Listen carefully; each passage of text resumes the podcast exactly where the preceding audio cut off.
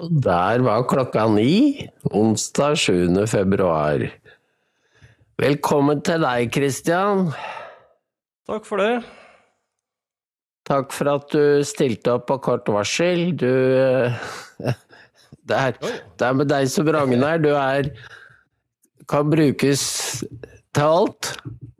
Det vet vi gutta fra Eh, Hedmarken. Vi er som poteten, vet du. Vi kan brukes til alt, men er ikke Ja. spesielt god til noe. Er det ikke det det heter? Jeg prøvde å holde på å si at du er som poteten, ja, men uh, nå sa du det sjøl. Det er ikke noe dårlig kompliment, det, altså. Um, vi uh, Jeg var i um, Skien i går og, og med Trine på å starte et nytt lokallag. Nei. Og det er jo alltid sånn at det setter i gang tanker om hva som skjer ute i samfunnet når, du, når det kommer 15-20 voksne for å høre hva vi tenker om situasjonen, hva vi vil. Eh, og fordi det er jo en eh, en peilepinne inn i der ute på grasrota hva som foregår. Så det er jo ikke så mye grasrot vi hører i media. Så vi vet jo egentlig ikke hva folk tenker lenger. Nei, politikerne vet det i hvert fall ikke, og journalistene vet det vel eh, kanskje heller ikke i så stor grad. Så det, denne lokallagsvirksomheten er jo på en måte det Sånn som politikken kanskje var litt mer før. Altså, jeg syns leser eh, memoarene til eh, disse ruvende skikkelsene i eh, Arbeiderpartiets historie, Håkon Lie og andre, så de, de reiste jo rundt land og strand, og, og de bodde hjemme hos folk og, og, og snakka med dem om åssen hverdagen var og hvor skoen trykket. Så jeg mener, uansett hva man måtte mene om Håkon Lie og andre, så de var jo i hvert fall der ute. altså, de, de visste sannsynligvis hva en liter melk eh, kostet, ikke sant. Eh, Det, hvis du spør en gjennomsnittlig stortingspolitiker om det i dag, så er jeg ikke sikker på om de treffer så veldig godt. Eh, Jeg har introdusert eh, skillet mellom det autentiske og det inautentiske for de som veldig viktig i dagens politikk. For det du beskriver der om eh, gamle dager, som jeg kjenner jo godt fra min oppvekst, det var det var jo ekte vare. Du kunne godt synes at noen var Du, mis, du mislikte både dem og partiet, og mange eh, i min familie hadde ikke noe sans for Arbeiderpartiet. Men det var jo en del av virkeligheten. Og det var jo ingen som prøvde å benekte deres eksistensberettigelse. Men det gjør den nye woke venstresiden. Den benekter og sier at ja, men du skal egentlig ikke være der. Sånn at du får et inautentisk politisk språk, og det mener jeg er farlig. Ja, og det du skisserer der, så er det den inautentiske som har makten, og som forsøker å beskytte seg mot den autentiske som, som utfordrer den. Det, det, er, eh, det er jo en eh, Hvis man skal trekke den litt langt, så er det jo en form for vold, er det ikke det? Jo, jo. Eh, Ved enden av den banen som er staket ut, så ligger volden. Og det ser du tydeligst i USA, på, blant demokratene, men også i Europa. Da finner du det blant islamister. Og Det, det er jo en det jo katastrofal eh, konsekvens av dette her, og det er jo det signalet som det sender ut til eh, allmennheten. Altså det, er, det er en form for oppdragelse at hvis du skal, hvis du skal lykkes og, og komme deg opp og frem her i verden, det være seg i karriere, journalistikk, næringsliv, politikk, whatever, så, så må du være fake. Og du er da nødt til å krige mot alt det som er ekte. Det, det, er, det er jo ikke rart at folk blir ødelagt i huet i våre dager. Altså, dette er spillereglene. Så det er uh, misunner ikke de som da skal liksom ta fatt på, på, på sin karrierevei med dette her som, uh, som startbetingelse.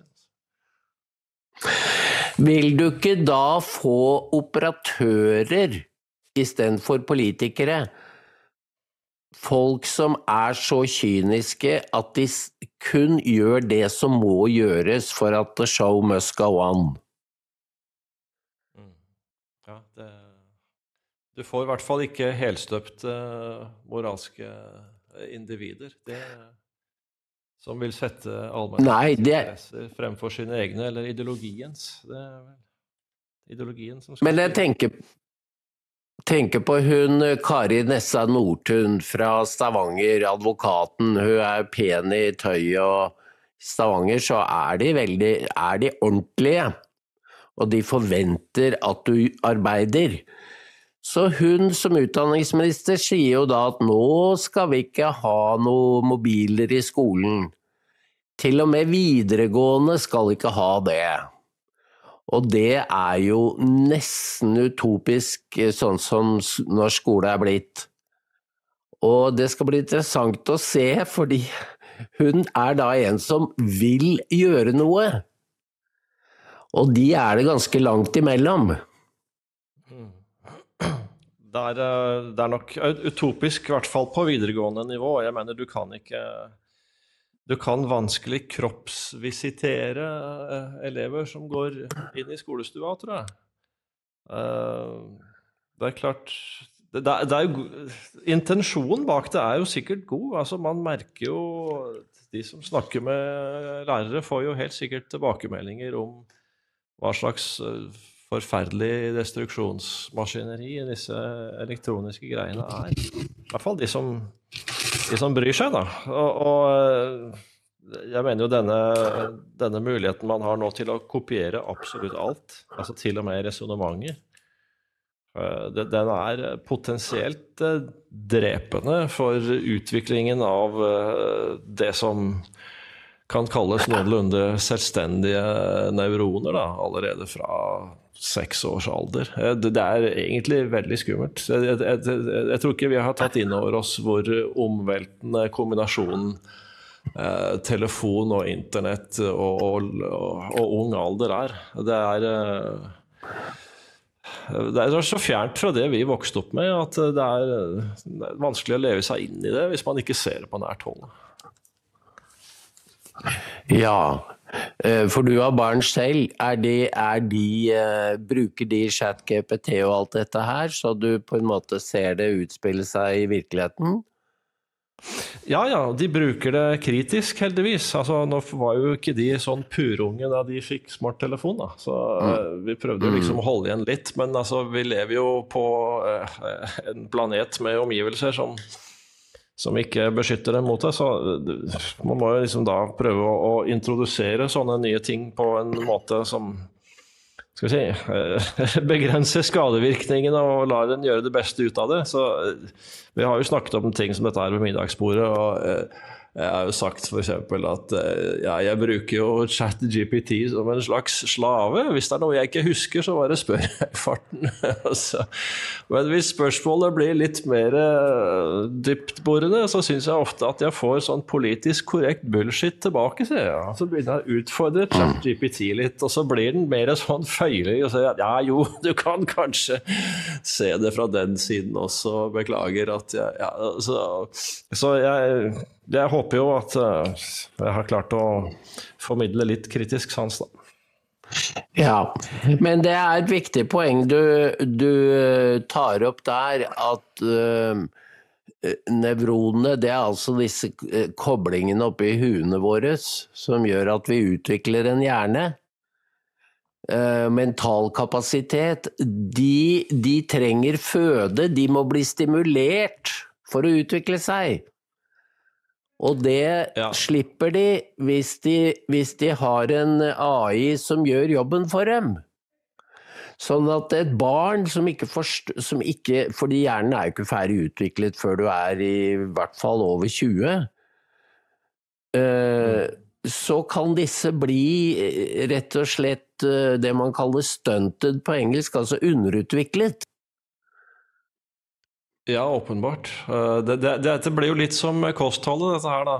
At vi kan bruke det som analogi. At hvis du bare uh, spiser sånn fabrikkprodusert, ultraprosessert mat med masse konserveringsmidler og E-stoffer og sukker og ja, altså så får du jo dårligere helse enn om du spiser ferske grønnsaker og kjøtt og fisk og baker brød hjemme. Og, altså, og men det, det, du gjør med musklene, er jo tross alt mulig å, å, å reparere seinere. Det er jo eh, sånn eh, fysiologisk sett mye mindre komplekse greier enn en hjerne. Hvis du først har eh, etablert noen nervebaner og stengt for noen andre i veldig ung alder, så, så er det nok vanskeligere å å komme inn og rydde opp etterpå. Og dette gjelder jo så mange ting. Eh, jeg kom til å tenke på ja, Nå er det jo mye fokus på, på kjønn og sex og sånn i våre dager. Altså Dette med tenningsmønstre, f.eks., det er jo noe som da etableres i hjernen. Hvis man da blir oppdratt til et bestemt form for tenningsmønster, eh, så kan det være vanskelig å, å, å vende tilbake til et eh, ja, skal vi si, mer spontant, eh, naturlig og sunt et senere.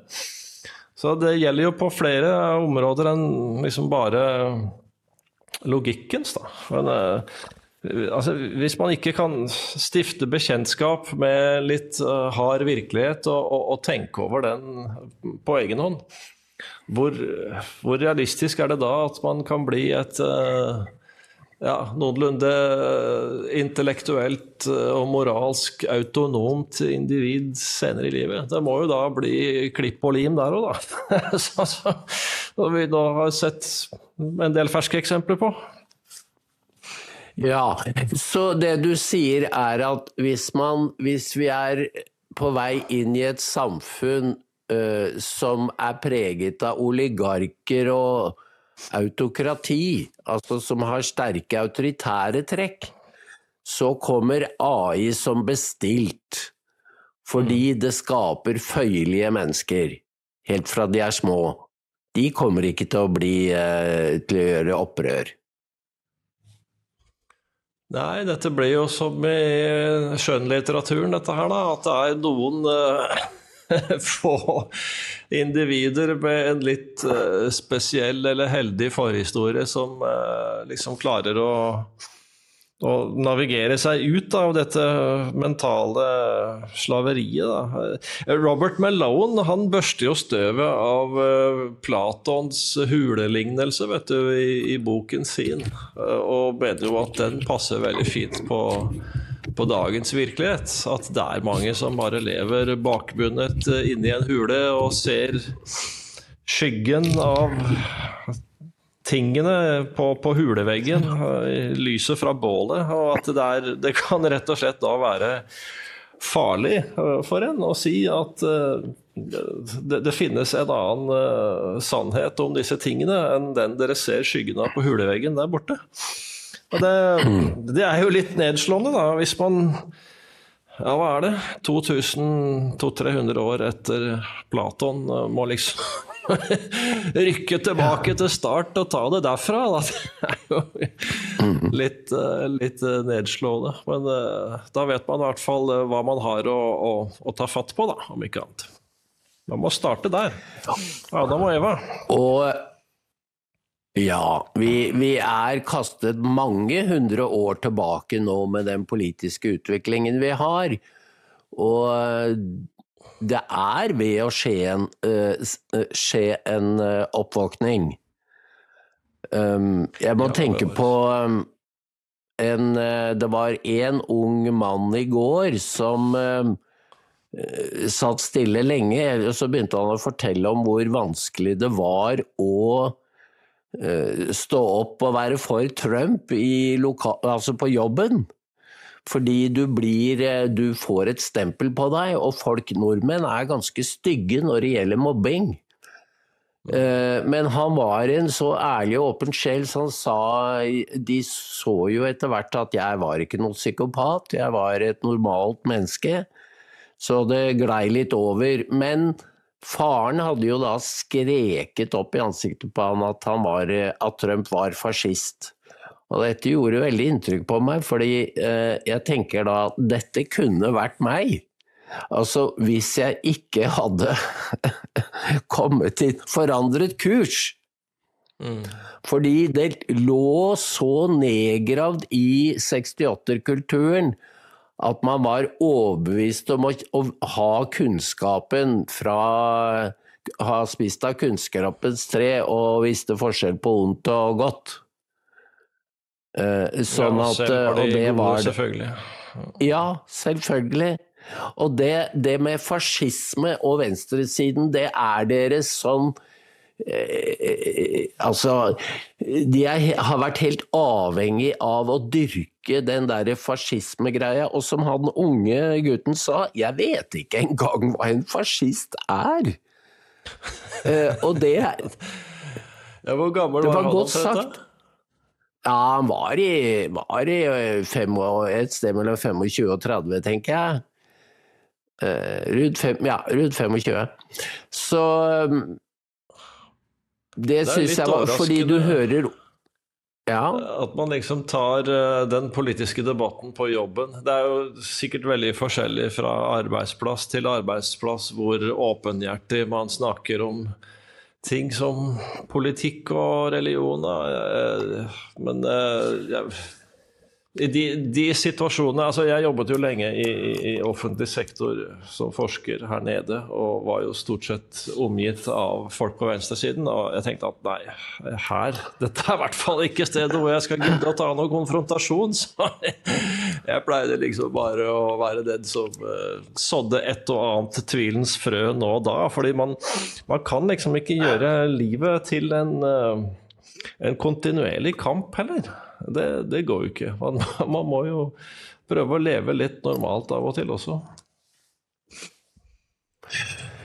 Ja, øh, men det er til det hvor åpen man er. Jeg merker jo det at bare du kommer uh, utafor Oslo, i hvert fall sør for Drammen, så er det en helt annen åpenhet enn det er i Oslo. Altså det er, Nå er det to land. Det er Oslo og resten av landet. Fordi de har bevart den lokale kulturen. Og um, han som henta meg, han uh, flytta, jobba jo i Oslo, tok utdannelse, og så flytta han tilbake til hjembyen. Og han sa det er det mange som har gjort. Og det hører vi jo fra alle andre steder også. De er i Oslo, og så flytter de tilbake.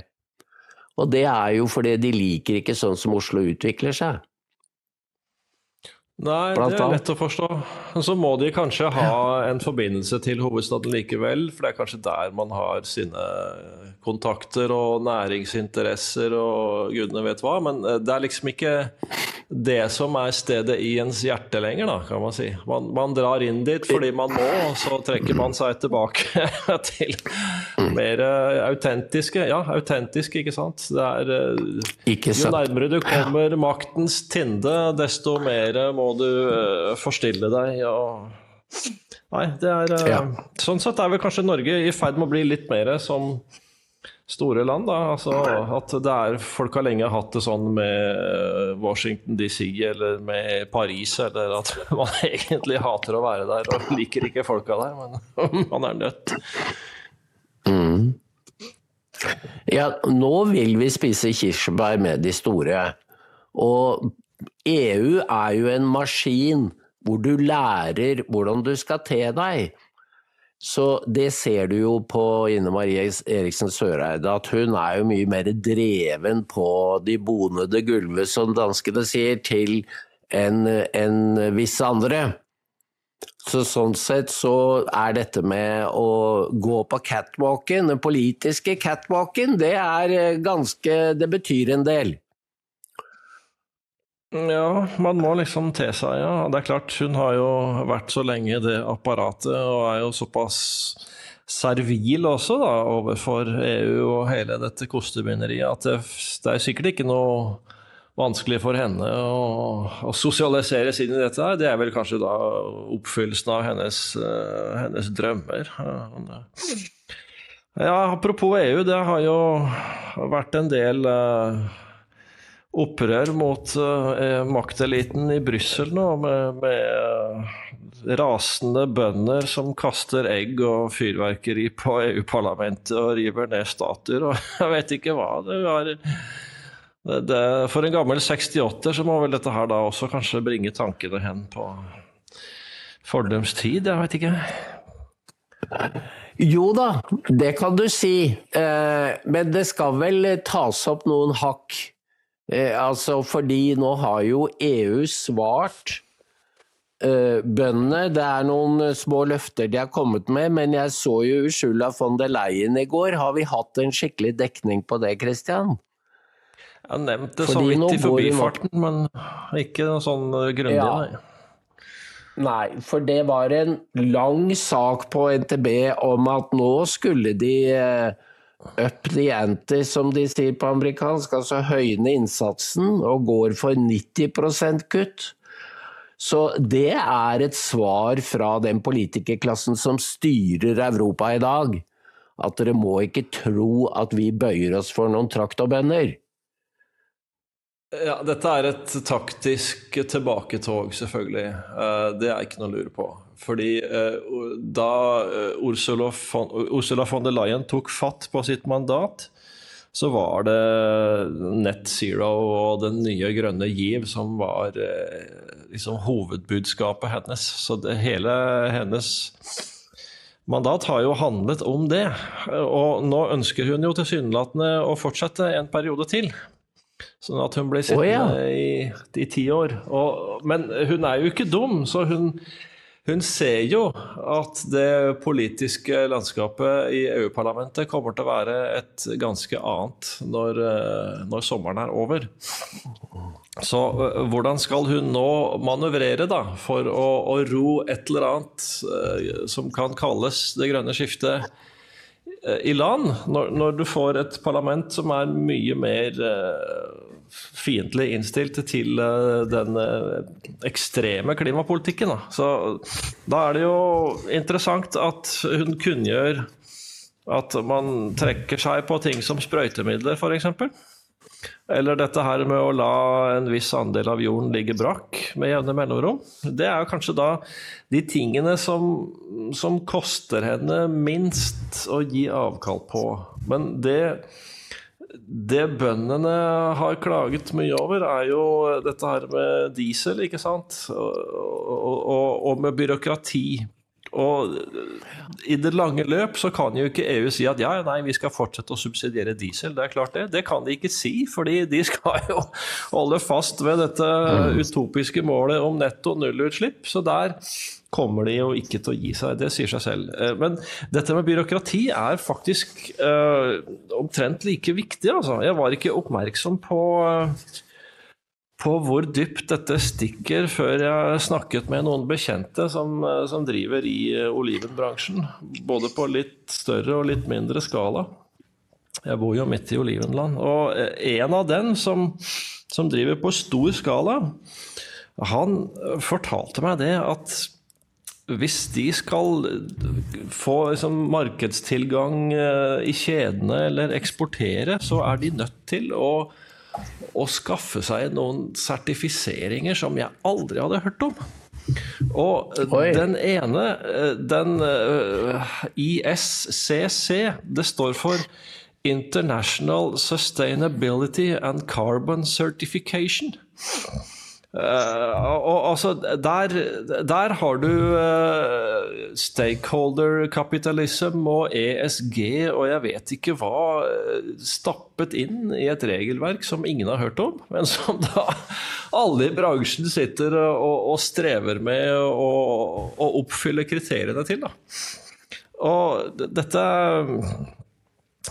dette er jo en, det, det, pågår jo helt utenfor offentlighetens søkelys. Og i det som har vært av, av dekning av bondeprotestene, som har sagt at det er for mye regler, det er ingen journalister som har giddet å sette seg inn i ja, men ok, men hvilke regler er det dere snakker om, da? Så, ja. Da fikk jeg jo det da direkte fra the horse's mouth. Da. At det, det, her er jo bønder som, som skjønner at, at, mye av denne klimaideologien er jo fullstendig tåka. Men så er de nødt til å bøye seg for den for å kunne være eh, økonomiske aktører. Altså. Så dette er jo da, det, det Sertifiseringshysteriet det, det, har eh, grepet om seg i, i alle bransjer, egentlig.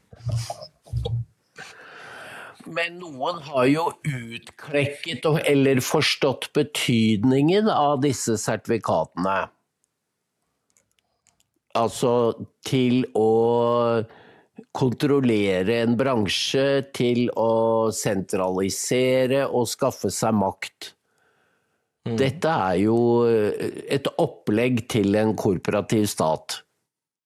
Ja, ja, absolutt. Altså her, du, bare for å kunne håndtere denne byråkratiske administrative byrden, så er du nødt til å ha en organisasjon av en viss størrelse. Så de minste, de gir seg. Og de store er jo da nødt til å bruke mer av sin energi på å kommunisere med maktapparatet. Og da får du jo akkurat den sammensmeltningen som, som fascismen handlet om. Altså den korporative stat. Eh, en, og da, da, blir jo illusjonen om en fri kapitalisme helt borte. Altså det, det, er, det, det stemmer ikke, det kartet stemmer ikke overens med terrenget lenger. Altså jeg, jeg husker lignende fenomen fra en bransje jeg selv kjenner litt til. Altså det er jo for snart 20 år siden så tok jeg det som kalles translatøreksamen.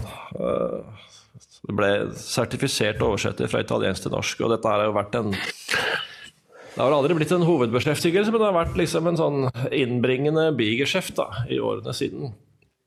Og I starten så var det veldig ubyråkratisk å, å jobbe i språkbransjen. Man kunne liksom ta oppdrag uten noe særlig uh, om og men. Man bare ble oppringt eller tilskrevet på e-post, og så kan du gjøre dette her. Ja, det er greit, nå får du det den dagen. og faktura sendt, og takk for nå. Men plutselig så, så kom det da EU-regler på dette her også. ikke sant? Man, det, det kom sertifiseringsordninger for tilbydere av språktjenester. da, da, hvis man da plutselig kom i kontakt med en ny kunde, da altså, Ja, men før vi begynner, så har vi noen skjemaer her. Å liksom, oh, nei, altså, eh, jeg hadde jo aldri tenkt å drive det til eh, noe så dominerende i tilværelsen at jeg hadde tenkt å bruke tid på skjemaet. Så jeg bare sa at nei, sorry, heretter så jobber jeg bare for eksisterende kunder. Så det, uh, dette har jo tydeligvis da vært uh, noe som har uh, gått som en, en, pest gjennom hele næringslivet, dette her. Mm. Helt utrolig. bare som, og det viser seg i sånne små detaljer. fordi nå er det et par år siden at vi fikk beskjed om at hvis vi skulle sende pakker til utlandet, så måtte de registreres i et eget system. Og det var så dyrt at Hanne sa vi, må, vi har ikke råd til å sende bokpakker til utlandet mer. Og det var omstendelig. Og det betyr jo at det er bare de store som uh, har anledning til å lage et apparat som kan håndtere utsendelser til utlandet. Noen har jo tenkt ut konsekvensene av en slik byråkratisering? Ja, altså I en optikk hvor man tenker at det er store næringsinteresser som eier politikken, så vil jo dette her da passe som hånd i hanske med de som mm. er de største og mektigste aktørene i, i, næringslivet. Det er klart. Det kommer som bestilt for dem. Uh, jeg hørte i går, fordi det er jo sånn uh, fortsatt at uh, man får nyheter ved å snakke med folk. Og faren til vedkommende hadde vært lærer på yrkesskolen. Men nå ryddet han 70 år, og da fikk han beskjed om at nå var det slutt. For nå har de innført en regel om at man får ikke lov til å jobbe i skolen over 70 eh, år. Altså noen Hvem er det som tar sånne valg? Og hva er hensikten? Det høres ut nesten ut som ondskap eh, for meg. Fordi er det noe eh, disse gutta og jentene som er på yrkesskolen trenger, så er det kontakt med eldre mennesker. Og de som har livserfaring og kan noe. Men de skal altså ikke få lov til å bli undervist av en som er eldre enn 70 år. De fleste over 70 vil vel uh, sannsynligvis si at uh, det finnes to kjønn, f.eks. Og det kan man vel ikke ha noe av i våre dager. Og sikkert ha en hel del masse andre oppfatninger som anses som akterutseilte ja. i et, uh, et fake-samfunn. Altså det, ja, der blir det for mye autentisitet igjen, rett og slett. Ja. Så, det, det, det er paradoksalt, fordi at det det er jo Folk lever jo mye lenger i dag enn før. Nettopp. nettopp. Mange, mange, beholder jo god helse til uh, ganske langt opp i årene. Så hvis man er ja.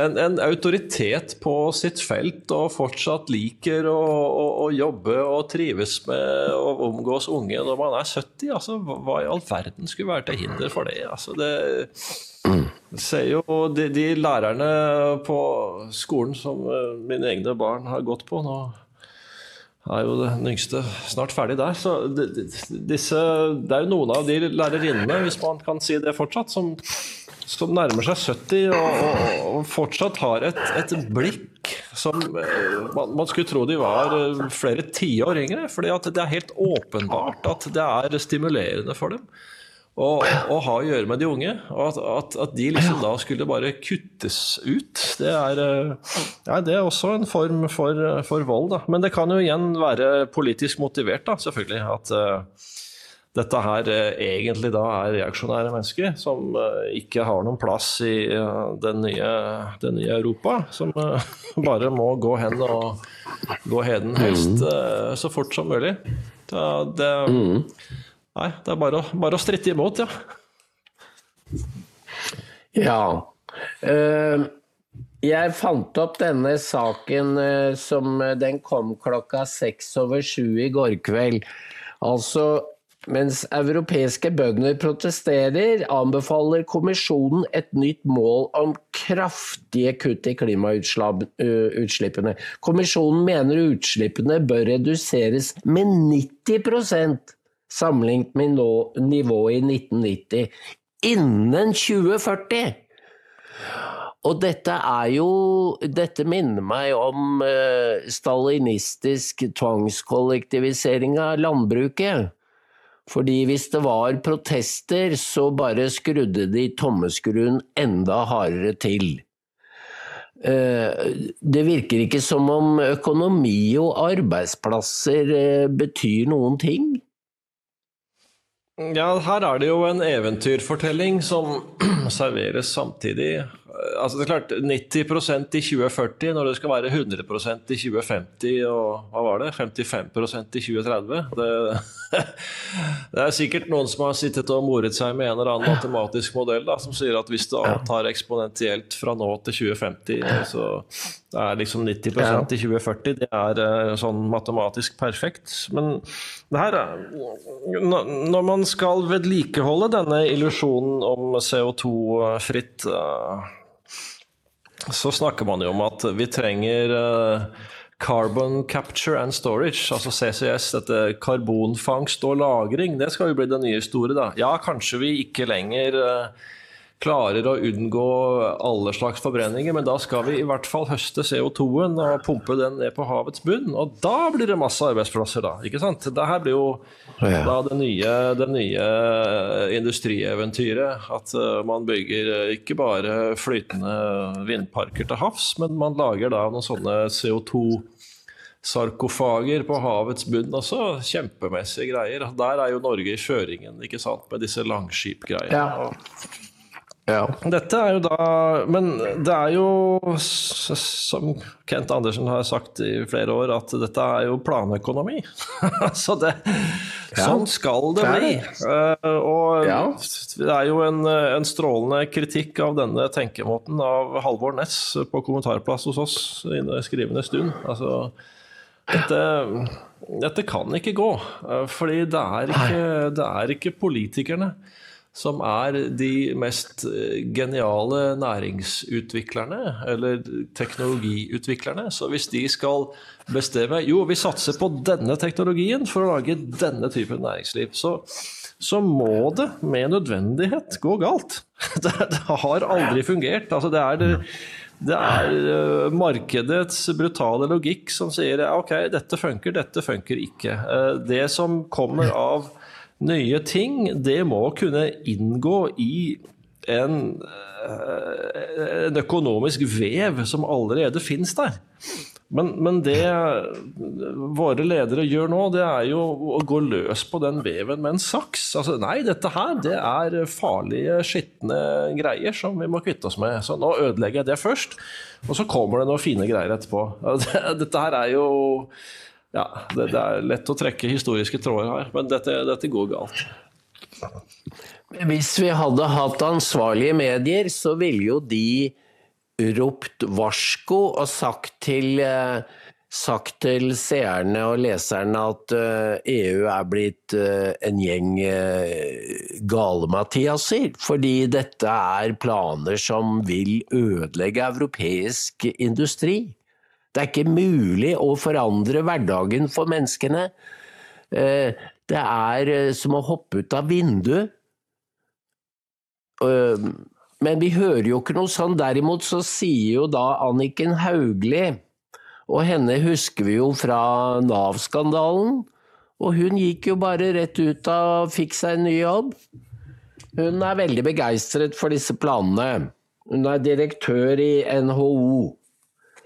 Altså dette er akkurat som eh, hvordan Sovjet fungerte.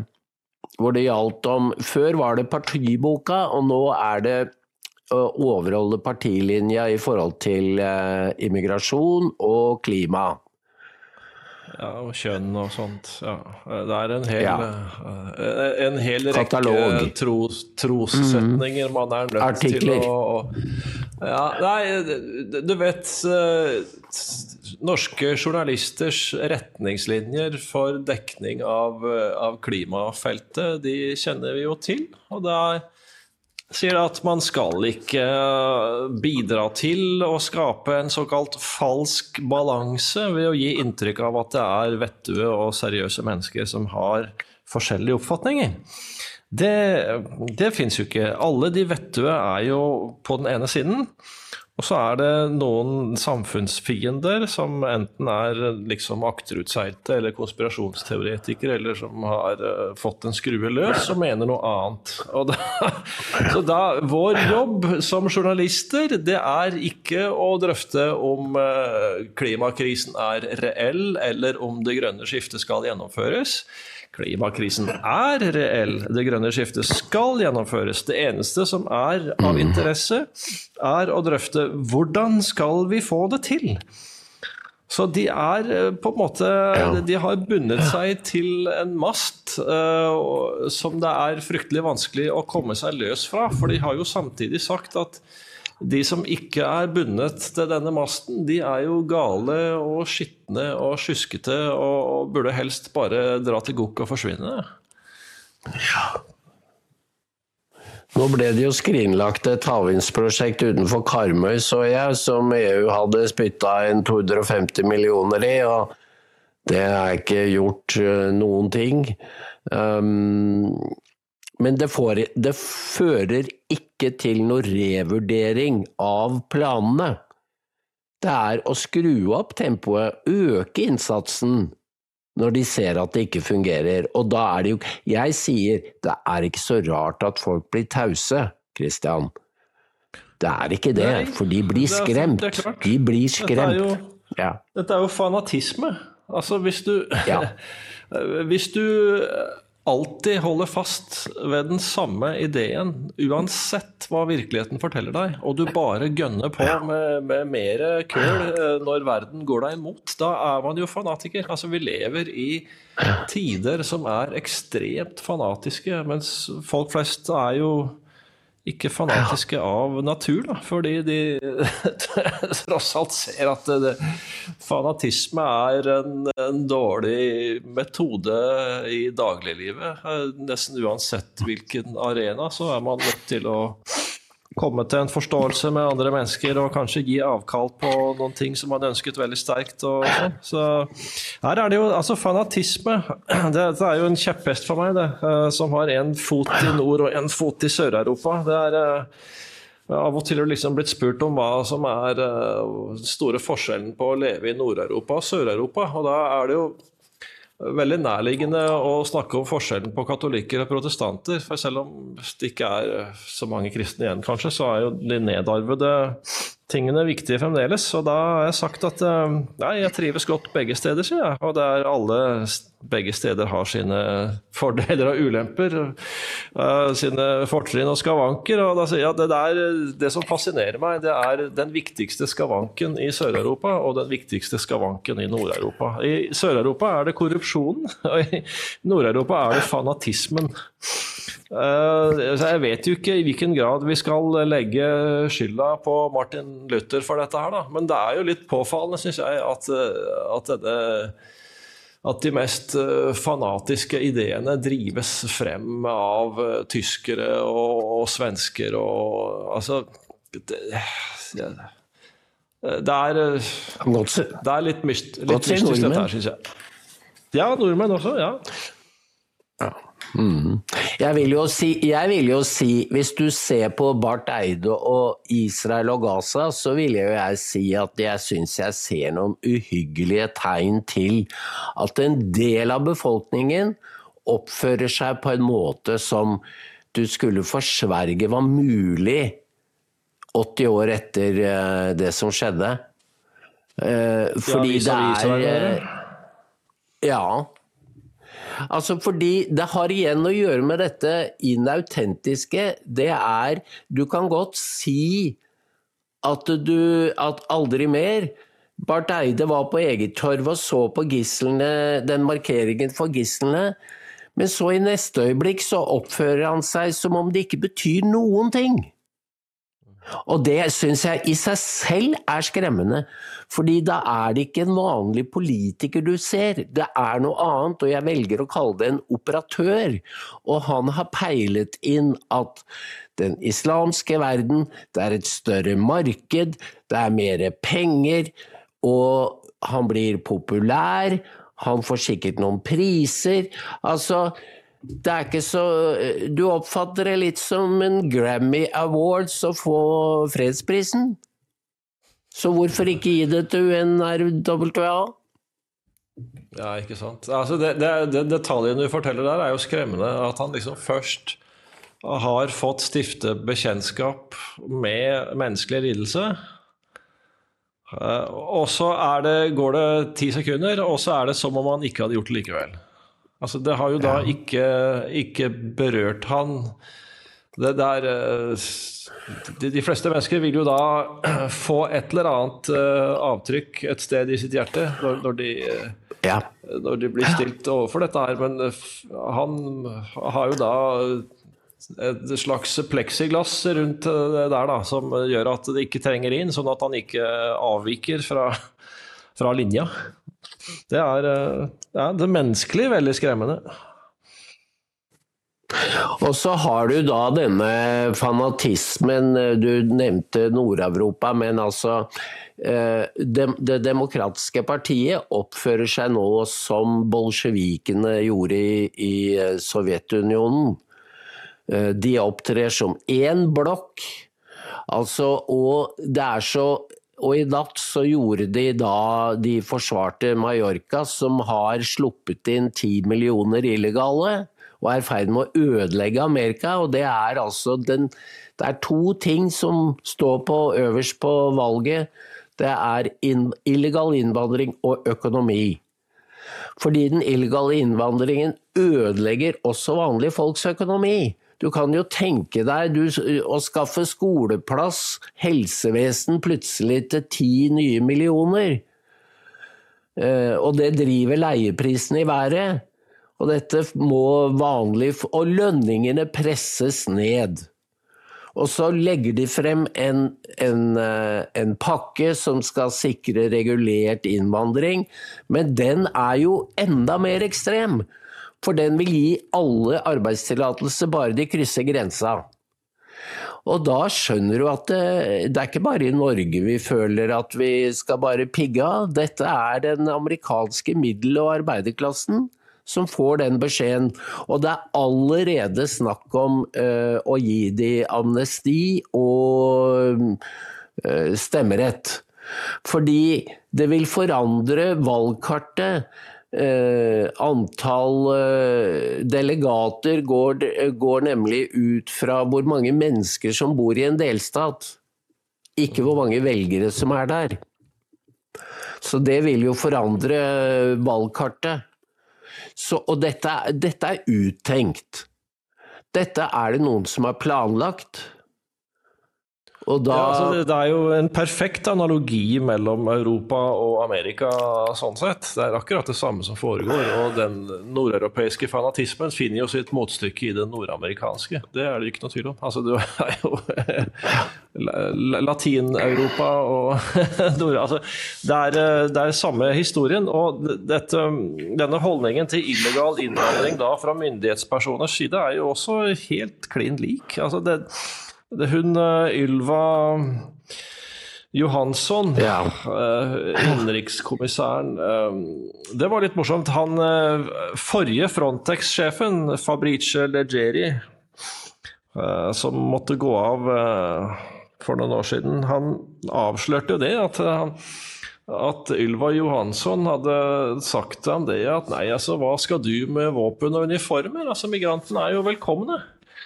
Og det siterte han da sånn fra en samtale de hadde hatt off the record. Uh, dette var jo i forbindelse med det intervjuet i Die Welt som han nye Frontex-sjefen hadde gitt, hvor han sa at det er jo egentlig umulig å, å kontrollere en grense. Og da hadde Die Welt også snakket med Legeri, da. Og da sa han dette her at ja, det, det er jo sånn de tenker. Og det er klart, uh, hvis man hvis man eh, vil ha lønningene ned og leieprisene opp, så er det jo samme metode på begge sider av Atlanterhavet. Det gir jo mening, det. Men den sammenhengen du nevnte der, den blir aldri nevnt i NRK, av NRKs økonomikommentator. For de snakker At, ikke eh, om at man importerer en ny underklasse, og at det egentlig er en ja. ulempe for alle. Nei, det, det er forbudt terreng, det går jeg ut fra. Ja. det er det. Det er forbudt terreng, og da får du den derre Altså I forbindelse med Hamar og domkirker Du får dette hatet mot de menneskene som representerer autentiske. Som tør å være hele mennesker og si ja, men se hva er det dere gjør? Dere holder jo på å ødelegge samfunnet. Det kan jeg jo se med, med, med egne øyne når jeg er rundt i Oslo, ikke sant? Uh, hvis du er den type mennesker, så er du en trussel. Og det legger deg for hat, rett og slett. Ja, dette er jo en ny variant av den gamle historien om keiserens nye klær, det, da. Altså Keiserens nye hovedstad det er ikke så mye å skryte av. Uh, men uh, nåde deg hvis du sier det. Det er jo i, uh, ja, var det ikke sånn at i den opprinnelige versjonen av det eventyret, så gikk det ikke bra til slutt? Uh, altså da, da, tok man livet av den lille gutten. Mens i uh, en litt mer oh, sånn moderne, optimistisk oh, versjon, så var det keiseren som ble ledd ut. Dette er bare, ikke ta dette for god fisk, det er bare noe jeg hørte fortalt Nei. i en eller annen sammenheng. Men det skulle ikke forundre meg da, at det var det, er jo, det er jo noen fortellinger som har fått mer sånn Disney-versjon, ikke sant. Så sikkert ja. at det kan ha skjedd her også. Mm. Ja, øh, man vet jo nesten ikke når man begynner å se på fordi det gamle Sovjet så var det jo en ung gutt som anmeldte foreldrene til øh, de hemmelige tjenester, og han fikk en statue oppkalt etter seg, og det sto sånne statuer over hele Sovjet. USA har jo kommet dit hvor en sønn anmeldte faren til FBI, for han hadde vært med på 6. januar. Og så ga han da en versjon av hva faren hadde sagt rundt eh, middagsbordet, som ble brukt i rettssaken. Du vet, da har en sta, rettsstat forfalt ganske mye. Når den bruker ett barns vitnemål mot faren, mens det var i hvert fall én av døtrene som sa at det var feil gjengitt, det stemte ikke. Og det er en, da en dansk, jeg tror han er TV 2-journalist, som har skrevet bok om eh, denne faren og sønnen. Og den har kommet ut også på norsk, og da med et positivt fortegn at sønnen gjorde en veldig bra handling. altså der Vi er kommet dit i Skandinavia hvor det å være angiver, det å rose justismord, er en hedersbetegnelse. Ja, da er vi jo eh, kommet nokså langt i å imitere eh, de kommunistiske regimene. Altså hvor familielivet eh, ikke var på en måte beskyttet, da, ikke var privat. At, at, politikken og makten skal kunne trenge seg inn i den dimensjonen ved livet også. For da har den på en måte, da har den jo erobret hele mennesket, da. Hvis, eh, men det, det, var jo i, uh, i, Skottland Der har de vel nå en muslimsk førsteminister. Det var han som innviet eh, kontoret sitt ved å ta med familien på bøndene. I Skottland har det jo vært forslag om at Jeg må ta forbehold om at jeg husker detaljene riktig. At hvis hvis noen hadde drevet med hate speech ved middagsbordet hjemme, at, uh, at, det ikke skulle være lov der heller. da altså At, at det ikke var lov da liksom med eh, homofobi og transfobi og sånn ved middagsbordet hjemme. Og det, det, er jo da en, en perfekt uh, analogi til det du, det du mm. refererer fra USA. Uh, og da, da, er det jo ekstra interessant for Skottlands vedkommende da, at her får jo da islam også en dimensjon oppi hele denne suppedassen. Så det er jo nytt. altså I den grad vi nå har Den europeiske Sovjetunionen og ikke en helt vanlig union, så, så kompliseres jo bildet av, eh, av eh, masseinnvandringen. Da. Det, det, den komplikasjonen hadde de jo ikke i de gamle kommuniststatene. Så da, da, da, land i Øst-Europa plutselig ble befridd for eh, Moskvas grep, så, så, kunne de jo relativt raskt vende tilbake til en slags normalitet. Det, det vil jo ikke vi kunne den dagen vårt eh, regime faller, for det gjør det jo. Altså, alle kan jo se at den kursen som Vesten legger seg på nå, ikke, ikke kan vare særlig lenge. Altså, vi, vi, vet ikke når dette her kommer til å, å ende med et brak, men det, det, det kan jo umulig være lenge til. Da kommer vi til um, intervjuet som Tucker har hatt med Putin. Fordi det er lagt ut et referat som er litt sånn uh, stokket, men det er allikevel mulig å gjenkjenne at det er uh, Tucker og et autentisk intervju. Og uh, det, det kommer til å gi gjenlyd, det kan du være sikker på. Det man ser, er en Putin som inntar en tilbakelent holdning og litt med glimt og humor i øyet kommenterer forholdene i Amerika. Og det lurer jeg på om er den gamle KGB-mannen som ser Han kjenner igjen de trekkene i USA fra sin egen fortid. Han vet hva det å bygge en politistat går ut på. Så det gir han en slags overlegenhetsfølelse, tror jeg. Ja, Det er jo en lett jobb for eh, Putin og andre. Og, og det er jo å skåre et åpent mål, det der. da. Altså Å, å snakke om kulturkrigen i USA og, og se hvor, hvor destruktiv eh, den såkalt progressive siden er. Det, så, men det er, det er litt mystisk. altså Tucker har da i dyp hemmelighet gjennomført dette intervjuet, og så plutselig så er det et transkript av intervjuet som har lekket til nettet. Det, det, er litt overraskende i seg selv. Altså, Har han uh, utro tjenere i sitt uh, eget apparat? da? Det, så det, dette, klart, det, det, vil jo bli sensasjonelt når det kommer ut, fordi uh, Ingen har vel intervjuet Putin siden Ukraina-krigen startet. og Man vil jo helt sikkert se forsøk på karakterdrap av Tucker Carlson. eller det vil si Man ser det jo allerede. NTBs meldinger i går kveld de starta jo med en forholdsvis nøytral melding. og Så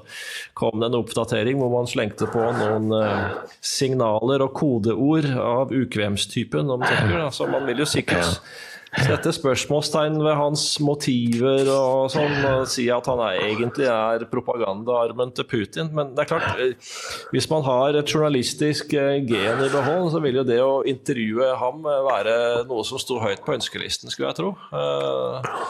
Så vil det jo bli portrettert som om det egentlig er Hitler han har intervjuet, da. Men det er jo en sammenligning som jeg mener faller på sin egen urimelighet. Det Putin kan uh, hvile seg på, det er jo realpolitikk. For det gjør inntrykk. Uh, det USA driver med, er jo noe helt annet. Uh, det er ideologi, og det vet Putin hva er for noe. Ideologi er Hvis den går over visse grenser, så ødelegger den samfunnet, og det vet han jo fra det gamle Sovjet. Så han er en realpolitiker og en maktpolitiker. Eh, og da er det jo visse hard facts som bestemmer bl.a. et lands ressurser. Han sier jo det at vår økonomi er selvfølgelig mye mindre USAs, men vi er verdens rikeste land i ressurser. Vi, sitter, vi har 80 000 milliarder dollar under bakken. Altså 80 trillioner. Og det, da, da, har du grunn til å være litt, men, eh, litt kry eller, eller, selvsikker. Men det må jo de i Washington ha visst når de satte på alle disse sanksjonene. At Russland har så store rikdommer at det er ikke mulig å tvinge dem i, i kne når de har et vennskapelig forhold til Kina.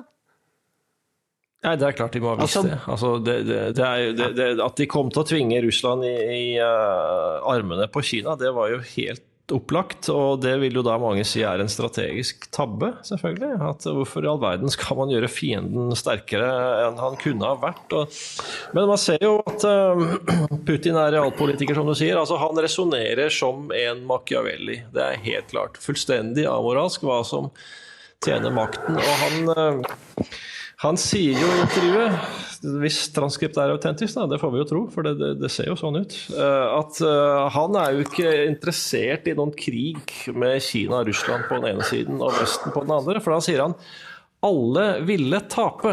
Og dette, dette, er eh, viktig, fordi uh, en, hvis man er rasjonell, så går man jo bare til krig hvis man tror man har noe å vinne.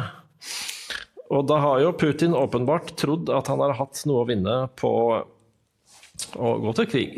Det, det, og sannsynligvis har han vunnet et eller annet, fordi eh, når India sier at eh, ja, det er sant at verden er multipolar, og det kommer aldri mer til å bli sånn at den er bare dominert av Vesten, så mm. har jo på en måte Putin allerede oppnådd noe. Og da vil noen si ja, ok, men nå vil han få blod på tann, akkurat som Hitler, ikke sant? Og, og angripe Nato med atomvåpen og sånn, men jeg mener da da, da, da, unnlater man å ta inn over seg helt vesentlige fakta. Altså hvor sterkt Nato er, og at, ja, at alle ville tape. Så her behøves en helt annen rasjonell tilnærming, men det er jo tydeligvis ikke den tilnærmingen man ønsker i Washington nå. da. At Der er det jo en ny generasjon i det sikkerhetspolitiske apparatet som, som tror at, uh, at, USAs uh, hegemoniske status kan opprettholdes. Så det Vel, vi får håpe det ikke blir stygt.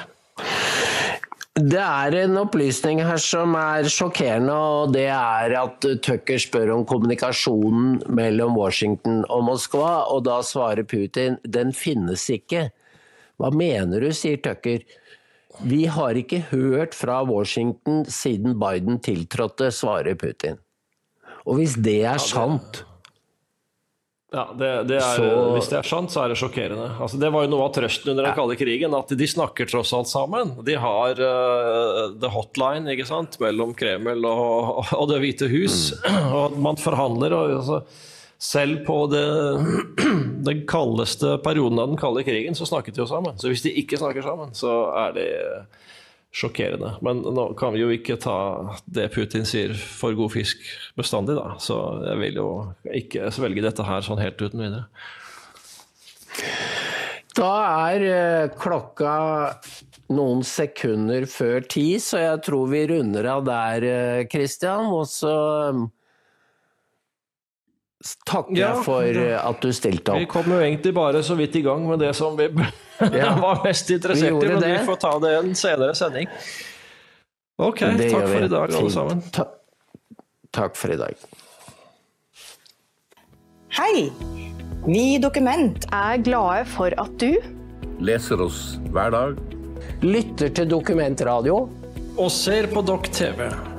Redaksjonen produserer døgnet rundt. Og trenger både abonnement og donasjoner.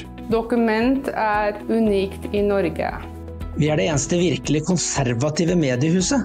Støtt oss på VIPS nummer 638941. Det Kent sa. Vips nummer 63 89 41. 63 89 41. eller bli abonnent.